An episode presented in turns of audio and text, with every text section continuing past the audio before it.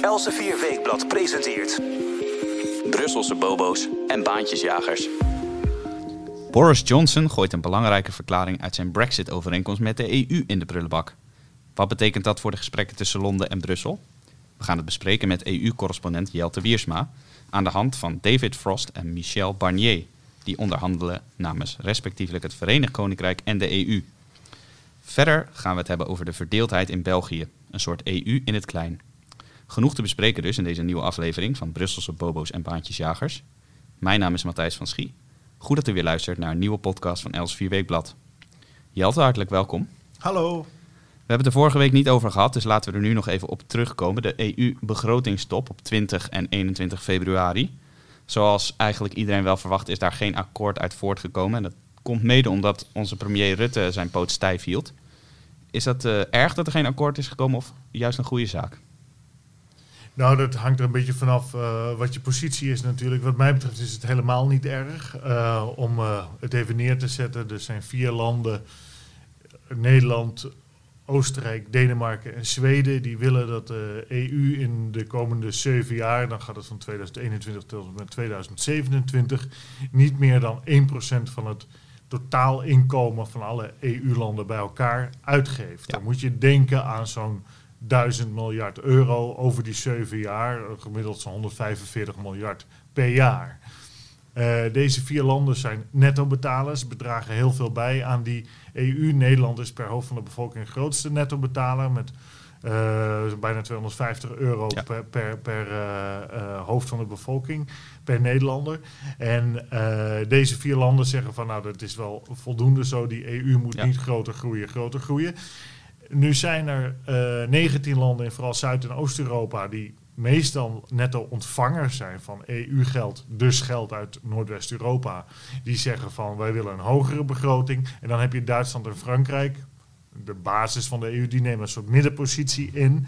Uh, meestal wat er gebeurt is dat in Brussel, als er zo'n EU-top van regeringsleiders is, dat men naar elkaar toe beweegt en na één, twee, drie dagen, soms zo lang duren die toppen wel, uiteindelijk een compromis uitkomt. Ja, nou was de, de EU-top na twee dagen uh, voorbij, uh, was afmattend, heb ik begrepen. Maar geen, uh, geen stap dichter zijn ze bij elkaar gekomen. Nee, dat is het interessante wel van deze EU-top. dat het aantal, uh, aantal uh, mensen dat zegt van ja, we zijn eigenlijk alleen maar verder uit elkaar komen te liggen. Het aantal regeringsleiders en diplomaten rond die EU-top ja. is, is vrij groot. Die um, zeggen iedereen staat al in de loopgraaf. Dus dan heb je het grofweg over de vier, inclusief Nederland ten opzichte van Zuid- en Oost-Europa. Ja, de, de uh, vrekkige vier worden ze vaak genoemd. Hè? Dat, is, dat klinkt wat negatief. Ja, dat is niet helemaal waar. Kijk, het, uh, in het Engels worden ze frugal voor genoemd. Maar frugal staat voor sober eigenlijk. Ja. En is niet vrekkig. Dat is al heel wat positiever. De Nederlandse journalisten die, die hebben dat in vrekkig uh, vertaald. Wat natuurlijk weer een frame is dat niet deugt wat mij betreft. Maar nee, sober. en dat is een veel prettiger woord zou ik zeggen. Um, zeker in een Calvinistisch land als Ja. Nederland gaat dat als een preek uh, in een ouderling. Hè? Nou, dan zal ik mij voortaan ook niet meer door die framing uh, laten beïnvloeden. Ik zal het ook voortaan houden op sober of zuinig. Heel goed, heel goed. Ja. Dat is het, het veld en, en die uh, Oost- en Zuid-Europa, die zijn eigenlijk zichzelf ook alleen maar verder aan het ingraven gegaan. Die hebben gezegd van, ja, wij zijn de vrienden van cohesie of de vrienden van Europa. En wij zijn eigenlijk de ware Europeanen, omdat wij vinden dat de EU-begroting omhoog Ja. moet. Wat effectief betekent meer geld van Nederland, Zweden, Denemarken, Oostenrijk en Duitsland en ook België, Frankrijk, Luxemburg, de nettobetalers, een beetje Italië, naar de rest. En uh, ja, dat zijn rare frames natuurlijk. Het interessante vind ik wel hierbij dat je weet niet hoe je dit moet appreciëren, want uh, we weten uit het verleden dat er altijd meerdere EU-toppen nodig zijn om een begrotingsdeal te maken. Ja. Om tot een akkoord te komen. Dus één top is niet voldoende. Um, daarbij geldt ook dat het soms nodig is voor de bühne, voor het thuispubliek, om te laten zien hoe hard je gevochten hebt. Precies. Dus het is voor Rutte en voor Loveren, de, de Zweedse premier, en voor Kurz, de, de Oostenrijkse kanselier, Eh, ook heel belangrijk om te laten zien, kijk, wij hebben geen millimeter Ja. toegegeven. En dan in een, na een tweede of derde top, er wordt waarschijnlijk in maart een nieuwe top gehouden, eh, komt er dan misschien toch beweging, maar dan kan iedereen de deur uitlopen en zeggen van nou, we hebben ervoor geknokt. En Ik heb het mijn best gedaan. ietsje meer dan die 1% van dat eh, inkomen dat alle EU-landen samen per jaar verdienen. Eh, en eh, dan kan Rutte ook teruggaan naar de Tweede Kamer en dat uitleggen. Want Rutte heeft natuurlijk ehm, eh, de situatie dat de overgrote meerderheid van de Tweede Kamer, oppositie en propositie, CQ regeringspartijen, ehm, absoluut niet willen dat die begroting omhoog gaat. Ja. Dus, eh, ehm, de- maar er kan nog veel meer over gezegd worden. Maar ja, la- gaan, eh, één ding wil ik er graag eh, uitlichten. Wat jij erover hebt gezegd, wat jij erover hebt geschreven in, in een commentaar in Elsevier Weekblad. ook online te vinden overigens. Jij zei, laat dat verzet van Rutte tegen de hogere begroting. Laat het nou een begin zijn van beperking van de EU. Hoe groot acht jij die kans dat dat ook daadwerkelijk het be- begin is van de beperking van de EU? Nou, niet zo groot, maar het is voor mij altijd wel een kernvraag eh, die ehm, werd gesteld ehm, ook aan mij voor door Paul Liever. Die was eh, de Britse ambassadeur in Duitsland, onder meer nog in de laatste jaren in Bonn, begin jaren negentig en daarna in Berlijn. Ja. Toen de Duitse regering na de eenwording naar Berlijn verhuisde. En die, die eh, heb ik groot geïnterviewd in Elsevier twee jaar geleden. En hij vroeg elke keer aan mensen zoals Kool, maar ook andere eh, Duitse toppers. ehm, waar eindigt dit nou, die Ja. EU-integratie? Dus waar komt de streep in het zand en wordt gezegd: dit is des natiestaat en dit is, dit is des EU's. Ja. Dus waar is de heldere verdeling? Eh, of eh, watert dat maar door en loopt eigenlijk die natiestaat als een ballon leeg en gaat alles uiteindelijk naar het EU-niveau en blijft de natiestaat niet meer dan een, een, een huls die zaken doet als cultuur Ja. en een beetje onderwijs en Een zorg en dat soort zaken. Maar ja. de essentie van de natiestaat, belastingen, defensie, rechtspraak niet meer doet. En eh, op die vraag kreeg hij nooit antwoord. Waar Nee. eindigt dat?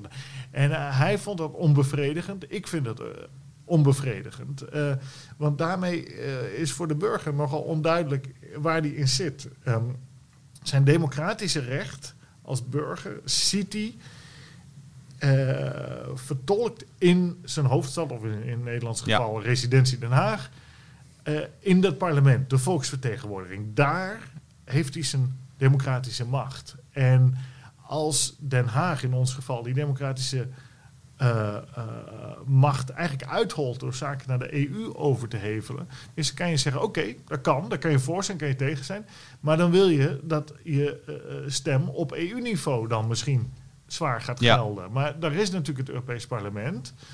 Maar eh, effectief heeft dat heel weinig macht. Precies. Dus dat valt ergens weg. Die, die, die democratische macht die Ja. je als burger hebt, die verwatert ten bate van het Europees Hof van Justitie, de Europese Commissie, dus eigenlijk bureaucratisch, de Europese Centrale Bank. Dus bureaucratisch, technocratisch, ambtelijke instituties, daar verdwijnt die macht naartoe. En dat is natuurlijk wel ongemakkelijk. Dus eh, de Duitsers willen niet zeggen, ja, het wordt eh, een Europese democratie. Ja.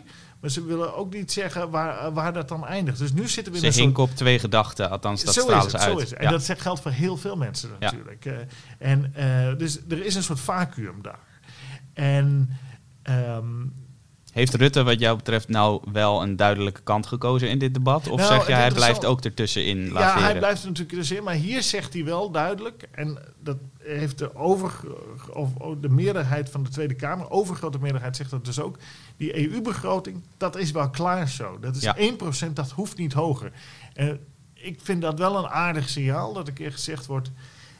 Tot hier en niet verder. Dus we laten Precies. dat op 1% en that's it. Die Basta, streep in het zand. Basta, weet je, finito, dit is het dan. Eh, en eh, in al die andere talen die ze in Brussel spreken. Dus ehm, eh, Nederland heeft dat nog nooit zo hard gespeeld. Dat is eh, toch wel aardig. Ja. Dat komt ook door Brexit, omdat het Verenigd Koninkrijk haalde meestal de kastanjes uit het vuur. Ehm, maar nu staat Nederland zelf in de wind. Het aardige is natuurlijk dat stiekem heel veel Duitsers het eigenlijk met Nederland eens zijn. Ja. Eh, diplomaten die ik spreek op de achtergrond, Duitse politici, die zeggen allemaal go Nederland, go. Hou het vol, dat verzet. Ja. Nu schreef ehm, de Volkskrant dat eh, Merkel de Nederlandse houding kinderachtig Ja, vond. precies. En, eh, Niet erg diplomatiek had ze dat verwoord, hè? Nee, nou ja, goed. Of het waar is, of ze dat echt gezegd heeft, overigens weet ik niet Nee. hoor. Maar eh, ehm, duidelijk is, is wel dat eh, heel veel Duitsers het eigenlijk prachtig vinden dat Nederland eh, zo, het zo hard speelt. Ja. Duitsland wil dat ook wel, maar Duitsers voelen altijd de verantwoordelijkheid. En het geldt eigenlijk voor de Fransen tot op zekere hoogte ook. Om het Europees compromis, zoals Ja. ze dat dan noemen, te maken. Dus zij gaan niet de scherpslijpers zijn. Daar gebruiken ze puppetstaten zoals Nederland eh, eigenlijk Ja, voor. precies. Ja, want Duitsers hebben natuurlijk eh, eh, voor het opkomen voor eh, het eigen land, de eigen natie, daar hebben ze niet erg fijne associaties bij. Dus daar, daar komt dat misschien ook wel uit voort. Ja, natuurlijk. Ja. Die Tweede Wer- Wereldoorlog speelt daar altijd een Ja. rol in. Maar goed, eh, maar het wordt heel spannend, vind ik. De komende maanden eh, zullen die onderhandelingen over de EU-begroting telkens terugkomen. Ja. En dan ben ik heel benieuwd. Als, als, als Rutte die, eh, het nu zo hard speelt en ook gesteund dus door de andere drie, of hij het gaat volhouden. En, en zo nodig, want het is heel belangrijk, al, elk land heeft een veto. Hè? Ja. Zo nodig de boel blijft saboteren. in positieve zin zou ik zeggen. Want ehm, het is helemaal niet nodig dat de Europese Unie zoveel geld uitgeeft. 145 miljard euro per jaar. Veel te veel. De EU, ik heb het wel eens vaker gezegd, heeft maar een 10 à 20 miljard euro nodig om te functioneren. Dan kan je het Europese Hof van Justitie laten functioneren, de Europese Commissie, het Europees Parlement.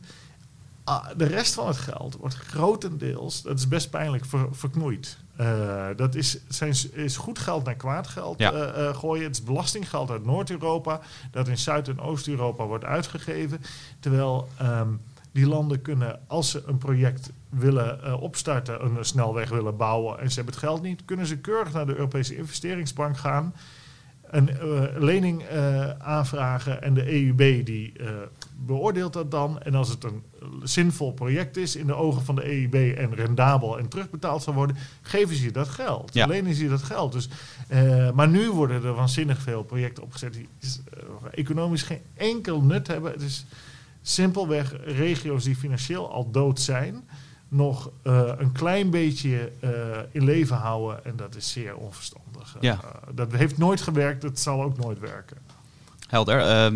Nou, die 10 à 20 miljard eh, waar jij het over hebt, dat zal Rutte waarschijnlijk niet lukken om dat te gaan afdwingen. Maar eh, wie weet eh, blijft hij inderdaad wel zijn poot zo stijf houden bij eventuele volgende toppen. Dan gaan we nu even naar een ander onderwerp. Het sluit wel aardig aan bij waar jij net mee eindigde. Jij zei geld van welvarende, bloeiende regio's gaat naar minder welvarende regio's. Dus eigenlijk goed geld naar kwaad geld. En dat is wel aardig van toepassing op een groot stuk dat jij voor het Weekblad hebt geschreven. Eh, dat gaat over België. Jij bent in België geweest en jij hebt met allerlei eh, politici gesproken eh, en andere prominente figuren in België. En jij hebt daar eigenlijk geschetst hoe grote tegenstellingen zijn tussen Vlaanderen en Wallonië. En jij, jij zei tegen mij al voor deze podcast, het is een soort mini-EU eigenlijk, België. Waarom is dat zo? Ja, dat is het al 200 jaar sinds het zich heeft afgesplitst onder eh, Franse drang en dwang Ja. van eh, het Verenigde Koninkrijk der Nederlanden in eh, 1830. Ja. ehm, is het een, een land natuurlijk dat een Germaanse inborst heeft aan de noordzijde bij de Nederlandstaligen en een eh, Gallische, eh, Latijnse inborst aan de eh, zuidkant eh, waar men overwegend Frans eh, Ja. spreekt. En eh, we hebben gezien dat die eenheid België de heden ten dagen steeds verder eh, in de problemen komt. En eh, door eh, het simpele feit dat Vlaanderen en eh, Wallonië steeds verder uit elkaar drijven. Ja. Dat is qua politieke opvatting zo. Er zijn verkiezingen geweest in mei eh, 2019. En eh, die verkiezingen hebben, ertoe hebben een uitslag laten zien waarbij Vlaanderen steeds meer economisch liberaal, eh, cultureel conservatief stemt, rechts. En eh, Wallonië juist steeds verder socialistisch links eh, stemt. Dus je, je krijgt een, en de scheiding die we binnen Europa eigenlijk ook zien. ehm, eh, die grens tussen Zuid en Noord, die loopt eigenlijk dwars door België Ja. heen. Die, die is daar in het klein. En daar hebben ze dus al 200 jaar bijna ervaring mee in België. Ja. Dus veel langer dan de Europese Unie, die in eh, eh, andere vorm, in eerste vorm natuurlijk een jaar of 70 bestaat. Eh, dus dan in die zin zou je kunnen zeggen dat België misschien wel een, ons een inkijkje geeft Ja. in de toekomst van de Europese Unie. Nou, dan is evident dat België aan het disintegreren is. Dus er wordt vaak gesproken over integratie, Europese integratie, maar binnen die Europese Unie of binnen Europa zijn er dus landen die disintegreren. Ja. België is daarvan een voorbeeld. Ehm, Ja, Vlaanderen eh, is, is steeds meer de kant aan het opschuiven van het, eh, nou ja, separatistisch is misschien een, een te zwaar woord, maar toch wel van zich losmaken van eh, het zuiden van Wallonië. Ja, zeker. Tijdens de verkiezingen in mei 2019 hebben Vlaams Belang en N-VA eh, samen 44% van de stemmen gehaald. Eh, dat is het hoogste ooit. Eh, twee separatistische partijen Ja. zijn dat het hoogste percentage ooit. In de peilingen staan ze nu zelfs op 48% samen. Waarbij aangetekend moet worden dat de N-VA, die de grootste is bij de verkiezingen en, en was in de peilingen, nu voorbij is gestoken door de, het steviger separatistische Vlaamse Belang. Dat is nu de grootste partij in de peilingen in Vlaanderen. En België als geheel. Hè? Dus eh, dat moet goed worden beseft. Dus even de- aardig misschien voor de lezer eh, tussendoor. Over Vlaams Belang gesproken. Jij hebt in het, eh, het kerstnummer van Elsevier Weekblad de, le- de leider van Vlaams Belang, Tom van Grieken, gesproken. Dat is een zeer lezenswaardig interview. Dus mocht u dat nou willen lezen, dan kan het uiteraard op de website van Elsevier Weekblad. Even een zijpaadje, maar dacht, ik moet het toch even noemen nu jij het over het Vlaams Belang hebt. Ja, die, die, eh, die van Grieken, die is eh, eh, sinds dat interview, ik wil geen kausaal verband dan natuurlijk suggereren, maar in de peilingen sky high aan het gaan. Ehm, dat is een ehm, ongelooflijke interessante ontwikkeling daar. En ehm, ja, er kan eigenlijk geen nationale regering worden gevormd, want de, de grootste partij aan de Vlaamse kant, de N-VA, onder leiding van Bart de Wever, de Ja. burgemeester van Antwerpen, enerzijds. En anderzijds de Partie Socialist aan Franstalige kant onder leiding van Paul Magnet, de burgemeester van Charleroi. In België hebben ze altijd dubbelfuncties. Die, die, dat zijn de twee grootste partijen in die verschillende taalgebieden. Die kunnen samen eigenlijk niet. Ja. Want Magnet staat met zijn Partie Socialist onder druk van een communistische partij, de PTB. En de eh, GroenLinks-equivalent Ecolo. Ja. zijn ook min of meer communisten natuurlijk. En dan heb je aan de Vlaamse kant, eh, zoals gezegd, de Wever staat met zijn NVA onder druk van het Vlaams Belang. Tom van Grieken, die nu al in de peilingen het grootste zijn. Om vooral maar niks toe te geven en te zeggen van eh, basta met België. Nou, hoe is, het, hoe is het veld? Heel belangrijk. Wallonië is armoedig, verarmd. Dat krijg je als je socialistisch beleid eh, eh, voert. En die willen dat het eh, veel rijkere en rechtsere Vlaanderen graag de, hun socialistische utopie financiert. Ja. Nou, dat gaat natuurlijk niet lukken. Nu is het zo dat er transfers zijn naar verwachting of naar schatting tussen de 5 tot 15 miljard euro per jaar van Vlaanderen naar Wallonië. Eh, Vlaanderen zegt daar moet een eind aan komen. Ja. Want, eh, wij betalen eh, per hoofd van, van, van de bevolking allemaal 2000 euro aan elke Franstalige. zijn eigenlijk dus een soort netto-betalers. Zeker, zeker. Het is een mini-EU. Het Ja. is een maandsalaris. Een gemiddeld maandsalaris in Vlaanderen moet worden afgedragen aan de Franstaligen. Ja, dat is nou, dat is nogal wat. Als je dat extra zou extrapoleren naar EU-niveau, dan zou Nederland ongeveer het vijftienvoudige moeten afdragen aan de Europese Unie dan het Ja. nu doet. Eh, nou, ik denk niet dat er nog een Nederlander dan lid wil blijven van de Europese dat is geen goed vooruitzicht. Eh, voilà. Dus, en het werkt ook niet, hè? Dus Nee. twee talen in een land, of eigenlijk drie. Want er is ook nog een kleine Duitsstalige minderheid, de Oostkantoons.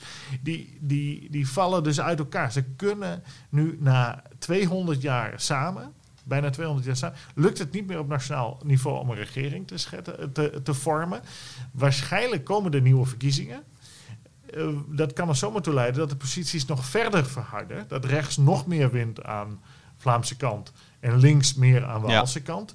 Ehm, eh, het enige eh, wat de Walen enigszins onder druk zet om toch toe te geven aan de Vlaamse wens om die transfers te verminderen en het land in stukjes op te knippen en tot een soort confederatie te Mhm. komen, zoals Zwitserland dat is, wat ook vier talen Ja. eh, in, zijn, eh, in zijn land heeft, maar eh, die 26 kantoons in Zwitserland, die hebben bijna geen transfers van geld. Dus Nee. iedereen houdt zich een poen Die gewoon hebben in hun eigen tarieven per eh, Eigen belastingtarieven per, per kantoon en zo. Dus daar wil, willen de Vlamingen naartoe. In 2024 verandert de financieringswet in België. Dat is allemaal heel ingewikkeld. Maar dan krijgt eh, Wallonië sowieso al minder geld. Ik moet eigenlijk zeggen Franstalig België, inclusief Brussel. Minder geld van Vlaanderen. En Paul Magnet, dus de aanvoerder van de Partie Socialist, de grootste partij aan, aan de Franstalige kant, zegt al... op het moment dat het sociale zeker, zekeringsstelsel in eh, België... wat voor de meeste transfers zorgt... als dat niet meer op nationaal niveau bestaat, op Belgisch niveau... dan interesseert België mij niet meer. Ja, Dus voor hem is België alleen nog maar een pinautomaat... eh, van Vlaams geld. Zo heb ik het ook maar Ja, genoemd precies. dit geldt, denk ik, diep in hun hart ook voor heel veel landen in de Europese Unie. Zeker in Oost-Europa. Die, die landen eh, zijn lid van de EU om twee redenen. Ze, ze vrezen Rusland Ja, en ze willen Westerse poen, Noordwesten Europese poen. En op het moment dat dat geld er niet meer is, dan is, zal die loyaliteit minimaal blijken. Echt minimaal. Dan eh, zijn het ook cultureel zijn het ook andere landen. eh, dus eh, eh, België geeft ons een kijkje in de toekomst. En Ja. dat is een kijkje van disintegratie en niet van eenheid. ja heel, heel boeiend om te volgen en inderdaad een, een interessant eh, gelijkenis die je trekt met de Europese Unie.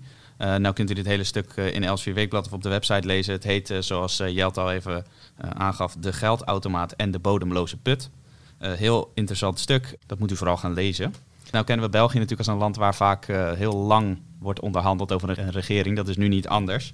Waar, waar ook lang over onderhandeld dreigt te gaan worden, al zijn er wel limieten, is tussen het Verenigd Koninkrijk en de Europese Unie. Want eh, zij hoeven weliswaar niet eh, de begrotingsonderhandelingen eh, te gaan voeren, maar dat wil niet zeggen dat ze nog van Brussel af zijn. Want voor 2021 moeten Londen en Brussel een handelsakkoord hebben gesloten. En jij schrijft in jouw rubriek in Brussel, jouw wekelijkse rubriek in het blad, dat twee mannen daar de berichtgeving over gaan domineren. Dat is enerzijds Michel Barnier, de Brexit-onderhandelaar namens de EU. En anderzijds is dat David Frost, de Britse Brexit-onderhandelaar. En jij bent een beetje eh, in hun achtergrond gedoken. Hè? Jij bent eh, wat te weten gekomen over waar zij vandaan komen, wie zij zijn. Nou ja, wat, wat zegt het nou eh, over hun, waar zij vandaan komen, over hun positie en over wat we nog kunnen gaan verwachten in deze onderhandelingen? Ja, het zijn spannende tijden. en ik vind deze mannen zo interessant omdat ze ehm, eh, vorige week eh, al op de voorgrond eh, traden als de offensieve krachten namens enerzijds de 27 EU-regeringsleiders, meneer Barnier uit Frankrijk, en anderzijds meneer David Frost, de stoottroeper van Boris Johnson, Ja. de Britse premier. En ehm, eh, deze heren zijn in de spotlights gekomen vorige week omdat er twee dingen gebeurd zijn. Michel Barnier heeft in 2017 een presentatie gegeven eh, waarbij hij eh, zei, kijk, we gaan met het Verenigd Koninkrijk als EU-landen een soort CETA-achtig al vrijhandelsverdrag sluiten. CETA is het vrijhandelsverdrag dat is gesloten met Canada. En dat handelsverdrag houdt in dat het gros van de goederen en diensten tariefvrij kan worden Ja. verhandeld. En dat er een onafhankelijke rechtbank geschillen eh, gaat eh, eh, oplossen. In, Ja. Of wel, althans daarover gaat vonnissen. Daar is hij van teruggekomen. Barnier Ja. is daarvan teruggekomen. Dat komt omdat op 25 febru- februari alle EU-landen hun posities bij Barnier moesten inleveren. En Barnier daarmee een EU-positie kon innemen ten opzichte van het Verenigd Koninkrijk. Precies. Nou, toen eh, heeft meneer David Frost in een toespraak gezegd van... hé, maar dit is gek. Eh, u, u wilde eerst een soort CETA-vrijhandelsverdrag met Ja. ons. En dat willen wij ook wel graag. En nu wilt u dat opeens niet meer. Nou, wat Ja. is er nou veranderd? Nou, er zijn allerlei EU-landen die hebben koudwatervrees gekregen. Ehm, dat is... ehm, eh, niet onbegrijpelijk. Bijvoorbeeld denk aan wat Manfred Weber, de voorzitter van de Europese Volkspartij, Duitser, een Duitser eh, ja. eh, van de CSU uit Beieren en een alliant van Angela Merkel deze week zei in die Welt.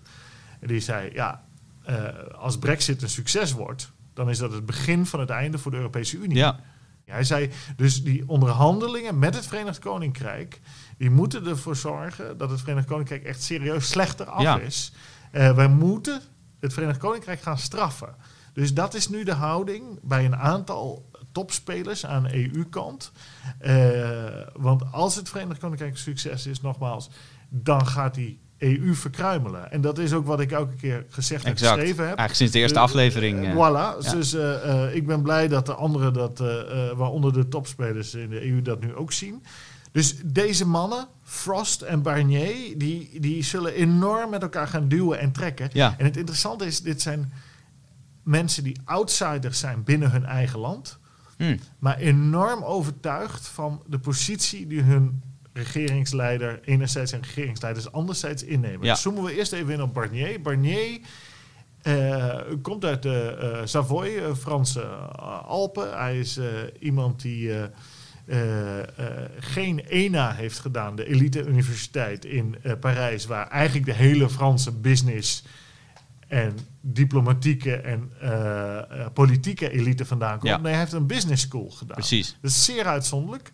Hij is van een lagere kom af in de zin van als je laag wil kwalificeren, dan uh, zijn vader was een, een leer, leerbewerker en Precies. verkoper. Dus het is een aardige, een hele exotische figuur voor, voor de Franse elite. Hij was 27, toen zat hij al in het Franse parlement. Hij is een echte Gaullist. Hè? Hij is uh, een Charles de Gaulle aanhanger. Ja. En hij is uh, een man die allerlei topfuncties heeft bekleed in Frankrijk. Minister geweest en uh, twee keer eurocommissaris is geweest. Waarbij hij als minister ontslagen werd in 2005 door presi toenmalig president Jacques Chirac. Dat is heel cynisch, Ja. want hij, hij, is een eurofiel, Barnier.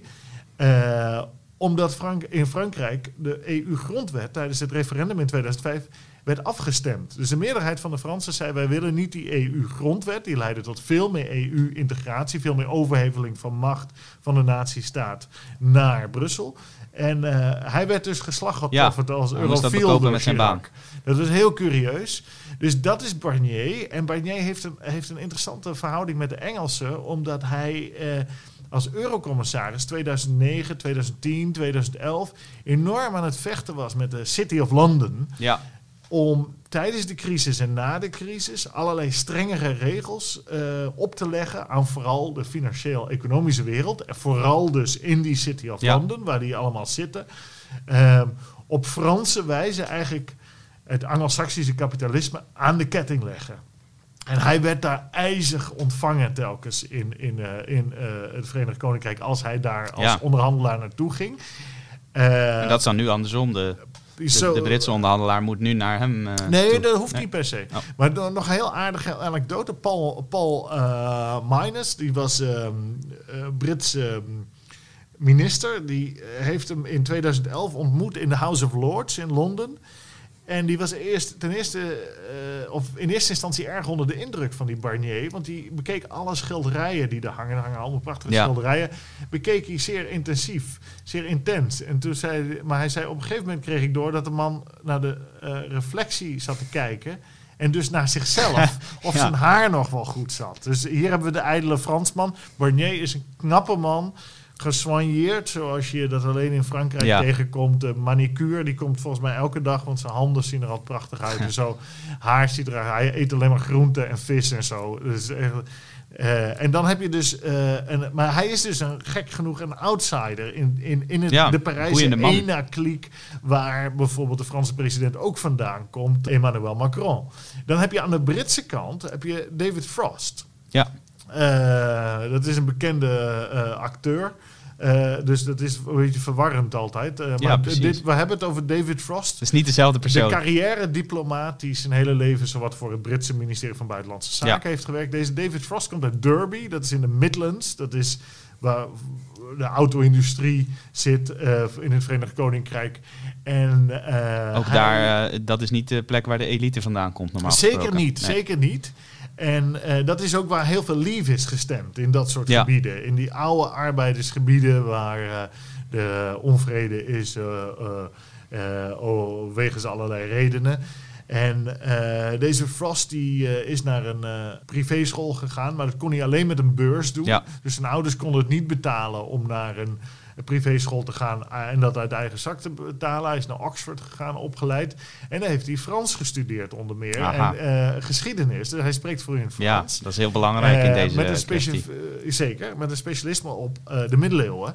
Deze Frost die heeft, die ging naar Brussel om te werken als de financiële man op de Britse permanente vertegenwoordiging bij de Europese Unie Ja. als jonge man. En hij ging daartoe, naartoe als eurofiele eigenlijk. En binnen no time, dat schrijft hij ook in de opiniebijdrage die hij wel heeft geschreven, is hij omgedraaid en eh, werd hij een EU-scepticus. Dat is toch wel bijzonder, hè? Je ziet het volgens mij vaker andersom, dat mensen Zo daar juist een eurofiel worden. Eh, Brussel is een soort wasmachine. Ja. Mensen die gaan er nationalistisch in en die komen er met een blauwe vlag met twaalf eh, gouden sterren weer uit. Eh, dit is omgekeerd. Ja, bijzonder. Ehm, eh, hij zag wat voor beest het was, die Europese Unie. En dat beviel hem niet, hij vond het ondemocratisch. En eh, deze Frost is ook zo boeiend omdat het ministerie van Buitenlandse Zaken in het Verenigd Koninkrijk, waar hij het gros van zijn leven voor heeft gewerkt, over het algemeen pro-EU is. Eh, dat was vroeger niet zo, maar dat zijn ze wel geworden. En eh, daarmee was hij dus eigenlijk ook een soort outsider binnen zijn eigen ministerie. Ja. En eh, het is ook geen wonder dat Boris Johnson hem heeft aangezocht om eh, de Brexit-onderhandelaar te worden. Want dit is tenminste iemand die echt gelooft in de Brexit. Ja. En, Want we hebben aan Theresa May gezien dat als je er niet echt in gelooft, dat het dan een lastig verhaal wordt. Nee, en er zijn talloze mensen in het Verenigd Koninkrijk, in de diplomatieke dienst, in de ambtenarij, die heel erg pro-EU zijn en die alles doen om de boel te saboteren. Ja. Dus, eh, eh, nou ja, we gaan zien hoe dit zich nu eh, verder gaat ontwikkelen. Ja, boeiend. Nog even over de actualiteit dan, want wa- daar begonnen we mee. Boris Johnson, die, die heeft in het Lagerhuis gezegd dat hij een belangrijke bepaling uit dat Brexit-akkoord dat hij met de Europese Unie heeft gesloten in de prullenbak wil gaan gooien.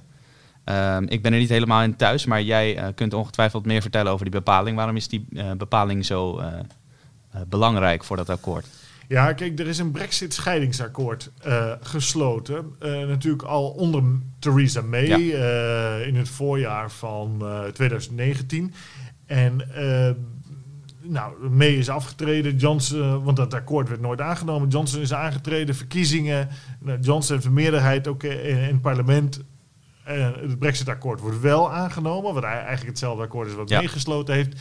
En bij dat akkoord staat een preambule, een soort een politieke verklaring van de EU, 27 regeringsleiders en Johnson. Die zeiden, ja, wij streven erna om een, eh, eh, niet alleen te scheiden met dat Brexit-akkoord, maar ook eh, een nieuwe relatie met elkaar aan te gaan die anders is dan de Europese Unie dat Ja. heeft met bijvoorbeeld de Verenigde Staten van Amerika of met Rusland. Of, eh, en daarin eh, doen wij min of meer een belofte.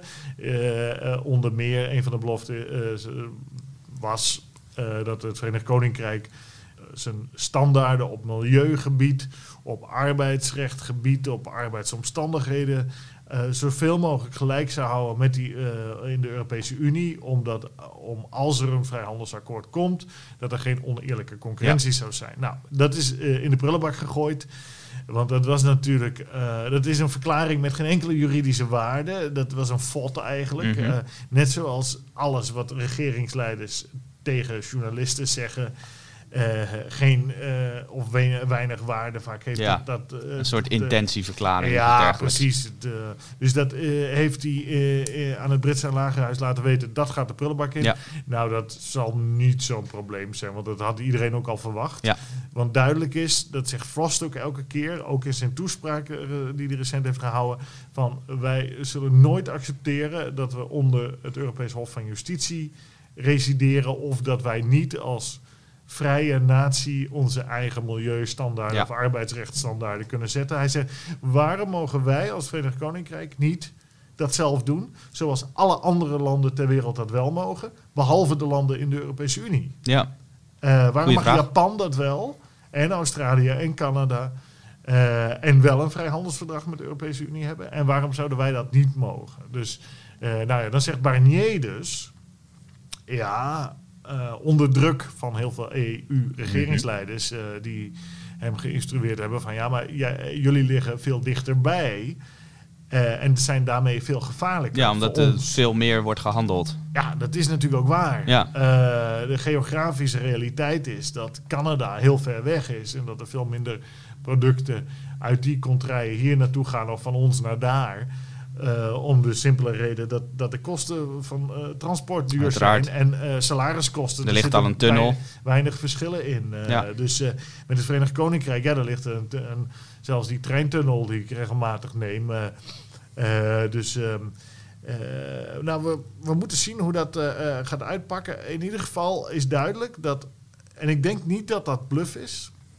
Aan Britse kant, Johnson en Frost, dat tandem heel hard in de wedstrijd zit. En Ja. zegt van ja, als de EU geen vrijhandelsverdrag wil, dan niet. Eh, dan vinden we het ook goed. eh, want eh, jullie hebben als EU een handelstekort met, of overschot met ons van 75 miljard euro. Dus de EU verkoopt 75 miljard euro meer aan goederen en diensten aan het Verenigd Koninkrijk dan de andere kant Ja.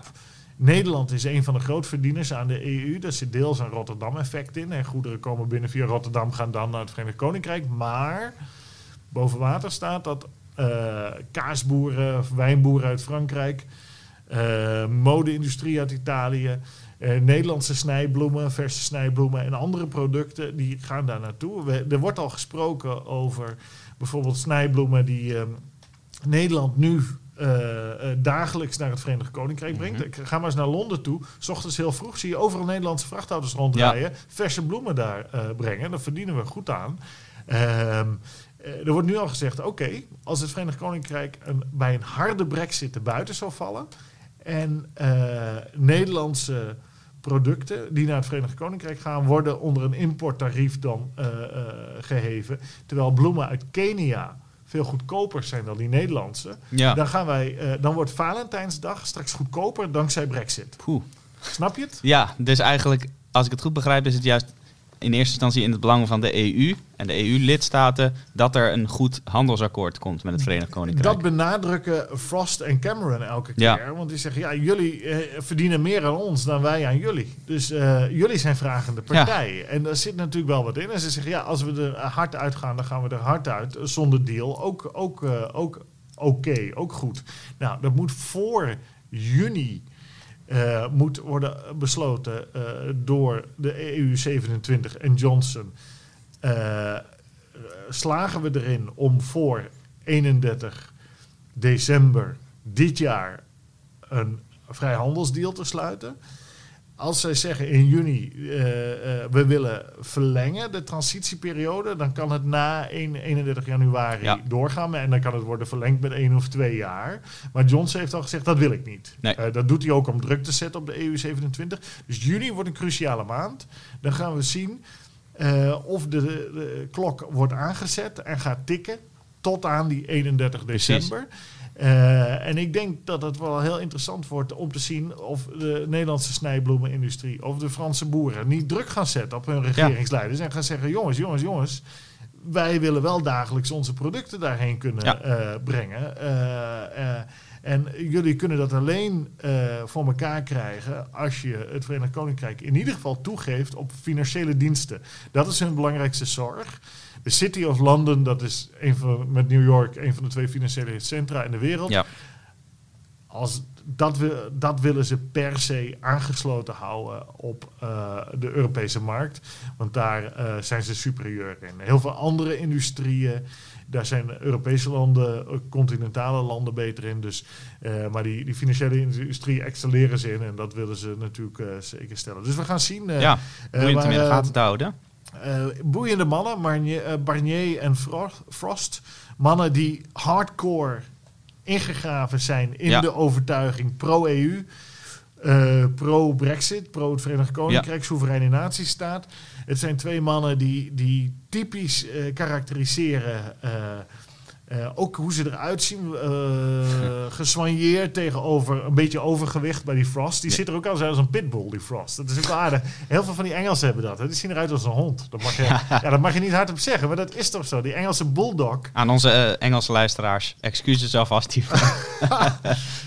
Kijk maar eens naar die posters, die, die spotprinten, cartoons die gemaakt werden tijdens de Eerste Wereldoorlog. Die zijn heel aardig. Dan zie je altijd de Franse kraai, ja. Uh, sorry, Franse haan. En dan de politici of de generaals uit Frankrijk getekend als haan. De, de Engelsen zag je altijd, de Engelse premier of de uh, generaal zag je als een bulldog, hè, de Britse bulldog. Dus ja. ze zien er altijd zo'n beetje uit. Uh, de haan tegen de bulldog, dat gaan we de komende maanden dat dus, is het. het moet ook, het moet ook gewoon een Fransman en een, en een Engelsman zijn. Dat hoort ook. Mooi schouwspel. Ja, want dat is het eigenlijk. Het is ook eigenlijk niet EU-Frankrijk of Engeland. Het, het is eigenlijk uh, Engeland-Frankrijk. Het is ook niet het Verenigd Koninkrijk-Frankrijk, nee, het is Engeland ja. tegen Frankrijk. Daar, daar praten we over.